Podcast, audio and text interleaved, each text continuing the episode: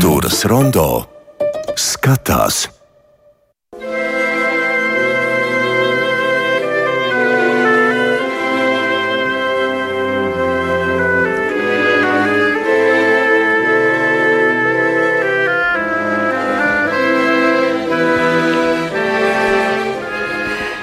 Filma Velosipēdu zagļi šajā brīdī tikai ar tādu nelielu audio un mūzikas atsauci, bet Zifrīd, tu šorīt sāki skatīties. Oi, oi, man jau, kā izdzird mūziku, jāsāk raudāt uzreiz. uzreiz, jā.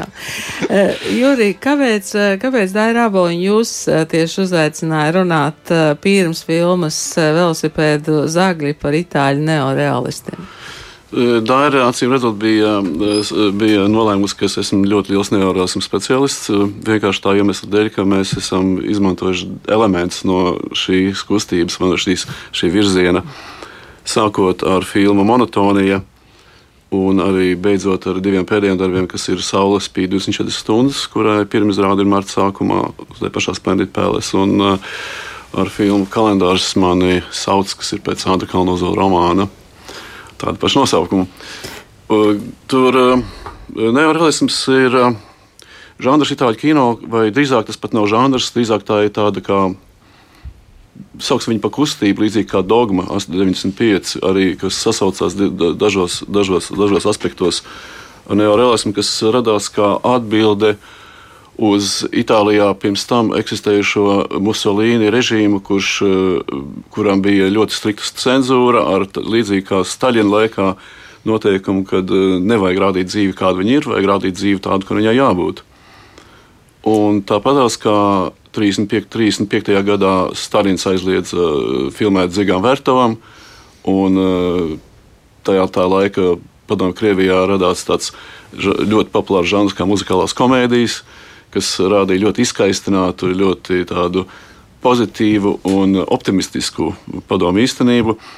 Tā arī Itālijā e, bija tā saucamais balto telefonu laikme, laikmets, kurā e, dominēja melodrāmas, un e, kuras vairāk vai mazāk tomēr nevēlējās skatīties uz Itālijas realitāti, kāda viņa ir.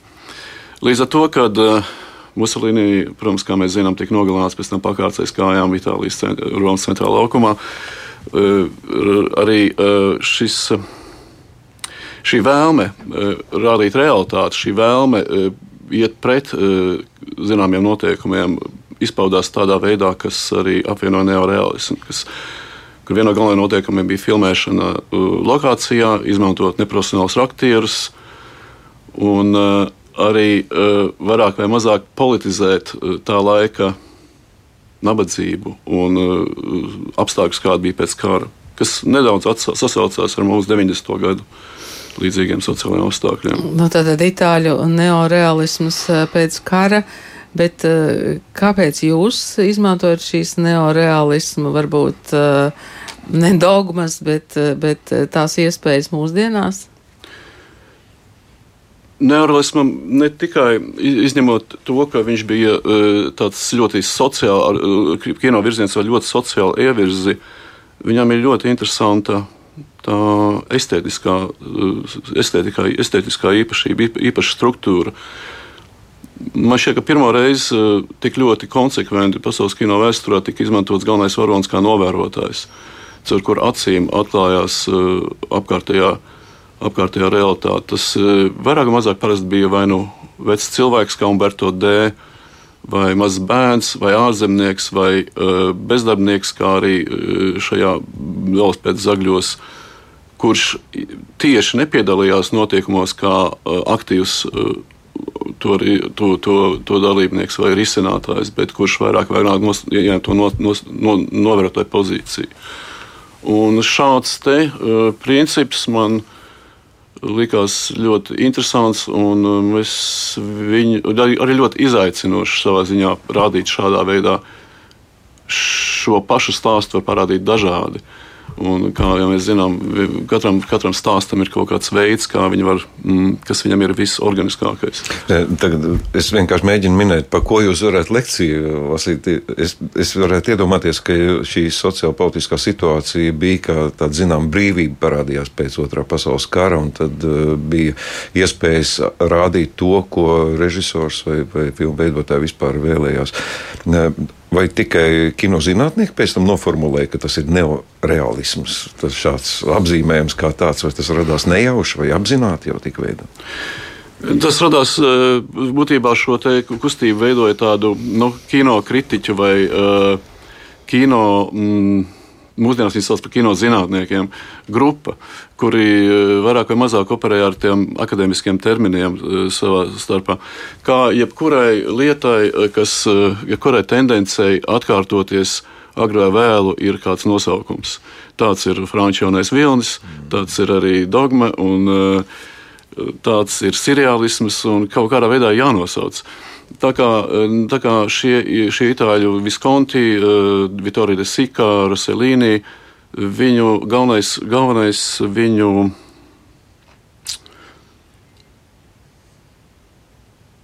izpētes objekts bija ap, apkārtējā realitāte. Tad arī šis realisma aspekts, kas viņiem bija svarīgs, ko viņi uzsvēra, arī uh, kļuva daļa no, no šī nosaukuma. Uh, Jā, jūs jau pieminējāt eh, vairākus eh, virzienus. Es saprotu, ka kinoteātris Splendid Palace projektā Eiropas vecākie kinoteātri apvienojas. Eh, patiešām mums arī atklās dažas tās ikoniskās filmas. Tātad 2. februārī režisora Vittorio de Sikas filmu Velosipēdu Zagļi un Jūra Poškus. Ievada lekcija februāra beigās Buņuēlas sirreālismu ikona Andalūzijas suns. Bet tagad, Juri, par par jūsu paša filmu, kur piedzīvos pirmizrādi 1. martā arī turpat Splendid Palace Saule spīd 24 stundas. E, tas arī būs zināmā mērā neorealisms. Tas nav neoreālisms, jo neoreālisms, kā ir, teikt, neoreālisms ir miris 50, ar 53. gadu. Neo, neo. neo nē, nē, šis nav neoreālisms, bet eh, kā jebkurš kino virziens atstāja zināmas pēdas. Un, eh, Ir, eh, zinā, ir atklājumi, kurus pēc tam izmantojot citās filmās, nesaucot viņus tieši tajā vārdā. Es minēju par to, ka man interesē tāda, tā šis tīri struktūrāls galvenā varoņa nostādi, nostā, nos, nostādījums ārpus darbības. It kā Mēs parasti filmas skatāmies vai no nu galvenā varoņa, mēs iejūtamies galvenā varoņa kurpēs, un tā mēs ejam kopā ar viņu, vai mēs skatāmies notikumus, kurus mums atklāja citi varoņi. Šajā gadījumā mēs, e, mēs e, skatāmies uz šiem notikumiem caur šī galvenā varoņa acīm. Un, e, tā, šī filma ir par to, kā Andris Keišs nolēma mainīt savu dzīvi. Viņš pārdod visu un brauc uz Ziemeļpolu. Tieši Andris Keišs. Andris Keišs, bet par šī gadījumā viņš ir Mārtiņš Moldovs. Eh, un eh, šī, šī ir filma par to, ka nu, šī filma par, kā es viņu kādreiz minēju, cilvēks, kas sasniedz latviešu sapni. Un, sasniedzot jebkuru sapni, uzdod, parādās jautājums, ko tālāk. Un šis jautājums, ko tālāk, viņu aizved ļoti tālu. Un nokļūstot šajos arktikas apstākļos, viņš, eh, viņi eh, iestrēgst eh, kopā ar turistu grupu tādā, nu, tādā diezgan tādā pagremušā, tādā Krievijas ciematā, vārdā Tiksī. Un, uh, ir spiests pavadīt šajā viesnīcā diezgan ilgu laiku, jo visu laiku kavējas lidojums, jo nav piemērots laiks ņemt pa godi, kā viņiem visu laiku saka. Cik daudz ir realisms bez neo? Bijāt tur? Jā, protams. Iestrēgāta. E, šī filma ir balstīta uz uh, latviešu ceļotāju Harijas Sila dienas grāmatām. Mm. Jo kādreiz uh, Harijs Sils pats brauca līdz ar turismu grupu, pats arī uh, mēģināja sasniegt Ziemeļpolu, un viņš uh, paralēli rakstīja blogu. Un šis blogs laikam bija tas pirmais impulss, kā mēs sākām rakstīt šo scenāriju. Tā kā ziņā tur ir realitātes mm. aspekts, bet kaut gan tā filma, protams, nav nevienā, nu, nav, viņš, viņš, viņa ir pasaka. Es eh, tagad domāju, ka varbūt um, klausītājiem ir jāatgādina jūs iepriekšējās filmas, kas uh, varbūt ir bijušas ļoti spilgtas uh, monotonija un, un īpaši kaut ka cool. Vai, vai varētu vilkt tāds zināms paralēls, ka jūs filmējat tādu tālu Krievijas uh, kaut ka cool? Kaut kā cool vairāk vai mazāk ir tāda filma, vairāk mazāk rakstura filma. Uh, Patiesībā viņa ir šīs kurzemes piekrastes portrets. Psiholoģiskais portrets drīzāk nekā, ne, nekā objektīvais. Nu, ir humora elementi, kas ir varbūt salīdzinot ar Andru Keišu vai ne, šajās, šajos, šajos, šajos aktieru mēģinājumos, ir jā, varētu savilkt kopā. Taču ne sižetiski, ne arī tematiski tam saistības nav. Nu, tad uh, filmas pil, uh, Saules bija 24 stundas pirmizrādi gaidām 1. martā. Ir kāda filma, ko jūs filmējat, un, un faktiski tā ir filma, uh, kas, kas ir veidot arī pēc Andra Kalnozo romāna kalendārs man sauc, kas, nu, tā kā zināmā mērā satricināja to, to Latvijas literāro pasauli. Un um, mēs jau zinām, ka Valmieras teātrī izrāda kalendārs man sauc ar, ar spēlmeņu nakts balvām. Nu, tagad jūs filmējat kalendāru. Jā, mēs pašlaik tieši to darām. Mēs pašlaik strādājam pie šīs filmas. Mums šajā filmā ir vairāk gada laiki, un neliela daļa ir arī ziema. Vai drīzāk, vai ne, drīzāk mūs interesē agrs pavasaris. Tas ir e, filmas ievads. Un uh, arī šai filmai ir zināms, zināms saistība ar neorealismu, tāpēc ka uh, grāmatas varonis pēc būtības ir novērotājs. Viņa rakstīta novērotāja pozīcijā. Līdz ar to mēģinot saglabāt zināmu saikni ar romānu, nemēģinot viņu pilnīgi pārtaisīt, tas bija šāds lēmums. Tad arī laikam šīs domas aiz, aiziet pie tā paša vecā itāļu žanra, kurā tas pirmoreiz parādījās. Kas ir nosaka jūsu izvēles par ko un kā? filmēt, par ko runāt, par ko rādīt? Es domāju, drīzāk vai mazāk, drīzāk tā ir nejaušība, kas ir pats radošākais eh, palīgs jebkurā darbā. Tas ir mm, nejaušība, kas, ša, kuru pirmo reizi ieraugot, viņa emocionāli te uzrunā. Līdz ar to šis pirmais iespējas, laikam, ir tas, kas arī uh, ir tas pirmais šāviens, kas vēl tālāk. Jūs izlasījāt romānu, jā, un tad tas bija impulss kalendārs man sauc. Drīzāk gan eh, pirms es izlasīju romānu, es eh, sarunājos ar Andru Kalnozu, ko es pazīstu neatkarīgi no šī romāna. Kurš ir zināmā mērā novērotājs? Kurš ir zināmā mērā arī režisors, un aktieris un scenārists, un ar kurš arī man ir diezgan labs draugs, un ar kuru mēs arī esam tikušies pirms šī grāmata vispār iznāca. Es par viņu zināju jau sen. Es arī zināju par vienu citu Andru Kalnozo darbu, ko viņš tā laikam ko viņš rakstīja par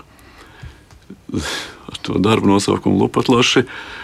Un, uh, toreiz uh, nu, man šķiet, ka uh, veidojot filmas, uh, cilvēki mēģina noslē, izveidot noslēgtu vidi, kurā ir kaut kādi zināmi spēles noteikumi. Un, mēs ejot uz šo filmu, ieejam pasaulē, kurā mēs neesam bijuši, bet kura tomēr ir loģiska. Un, uh, mazpilsēta, Rī, e, mazpilsēta, Latvijas mazpilsēta ar zināmu raksturu, ar zināmiem saviem uzvedības kodiem. Šī gadījumā ir ļoti pateicīgs e, tāds uh, materiāls. Es, es izteikšu kādu teoriju, kas man tā kā galvā man likās, es to es pats izgudroju. Jūs tagad minējāt tos, atgriežamies pie neoreālismu, ka bija tie pēckara gadi. Man šķita, ka tie diktatūru apstākļi un kara apstākļi vienmēr atspoguļojas mākslā, ka tiek parādīts kaut kas tāds, kā jūs teicāt, arī kaut kas dzīves, priecīgs, ļoti jauki, kā vajadzētu būt. Un, Un, un tagad, kad mēs dzīvojam mierīgos apstākļos, tad mēs uh, bieži vien piefiksējam ne tikai mākslā, bet uh, vispār sadzīvojam, ka mēs uh, akcentējam to visu to slikto un tādu, kas ir tas, tas piezemētais un ļaunais un to tādu, ka cik slikti, slikti, slikti viss kaut kā. Vai tas, tas ir tās tie tieksmes pēc realisma, tā ir tā brīvība, ka mēs varam runāt par jebkuru tēmu, vai, vai eksistē tomēr šīs saiknes, kad ir, kad ir dzīvē slikti, tad mēs atspoguļojam kaut ko ar centienu labi, un tad, kad ir labi, tad mēs parādām tos trūkumus. Nu, tā kā tās pretēji, pretējie poli, jūs nesat aizdomājies par to? Kino skolā man viens no profesoriem uh, iz, izteica tādu pieņēmumu. Viņš bija pētījis diezgan daudz amerikāņu kino, un viņš minēja to, ka teiksim, ekonomiskās depresijas laikā populārs mm, ir populāri vesterni, mm. un kad dzīve sasniedz zināmu labklājību, tad populārs ir gangsteru filmas. Mm -hmm. Kaut kā laik, jā, cilvēks vienmēr grib redzēt pretējo nekā, nekā, nekā, nekā, nekā apkārt, kurā viņš dzīvo. Par neuroismu gan drīzāk jāsaka, ka viņu viens no tādām iezīmēm ir tas, ka šie stāstiem bija jābūt skumjiem. Viņiem galvenajiem varonim bija vai nu jāiet bojā, vai arī vismaz beigām bija jābūt uh, skumjām. Un, uh, nu, kā operās. Tieši līdz ar to viņi, uh, kā, viņi runāja zināmā mērā pretrunā. Viņi tomēr mēģinot rādīt kaut ko jaunu, viņi tomēr paņēma jau konvencionālos melodrāmas uh, elementus. Un uh, drīz vien šis, uh, nu, kā lai pasakā, man liekas, šiem cilvēkiem pašiem apnika to nodarboties. Un uh, jau Umberto D. parādās jau humors, kas ir uh, šī vecā, vecā pensionētā ierēģiņa attiecībās ar suni. Nu, šā ziņā tas ir uh, uh saimnieku un suņu uh, nu, vienalga, jā, netik ļoti uh, balstīts sociālā vidē, cik tādās uh, nu, drošās rokās. Bet uh, drīz vien jau astoņus vai desmit gadus vēlāk jau parādās, ja tā ir komēdija, jau parādās pilnīgi cits. Bet jūs reiķināties to, ko skatītājs grib redzēt. Jo, jo no visiem iepriekš uzskaitītā man šķiet, ka jūs izmantojat no visa padruskai savos kino. Nu, pašam ir aizdoms, ka skatītājs īsti nezina, ko viņš grib redzēt. Skatītājs vēlas, lai viņu pārsteidz, lai viņam parāda kaut ko jaunu. Un mēģinot izpratīt skatītājiem, mēs nonākam pretrunā ar to. Nu, jā. es domāju, ka šajā brīdī mēs varam likt tos daudz punktus. Paldies jums, ka jūs um, mums pastāstījāt par saviem uh, plāniem uh, jaunajiem. Tagad 1. marts. 1. marts. Un 2. februāris, uh, tātad 2. februāris velosipēdu zāgļi, 1. marts saule, spīd 24 stundas. Paldies uh, režisoram uh, Jurim Poškus. Un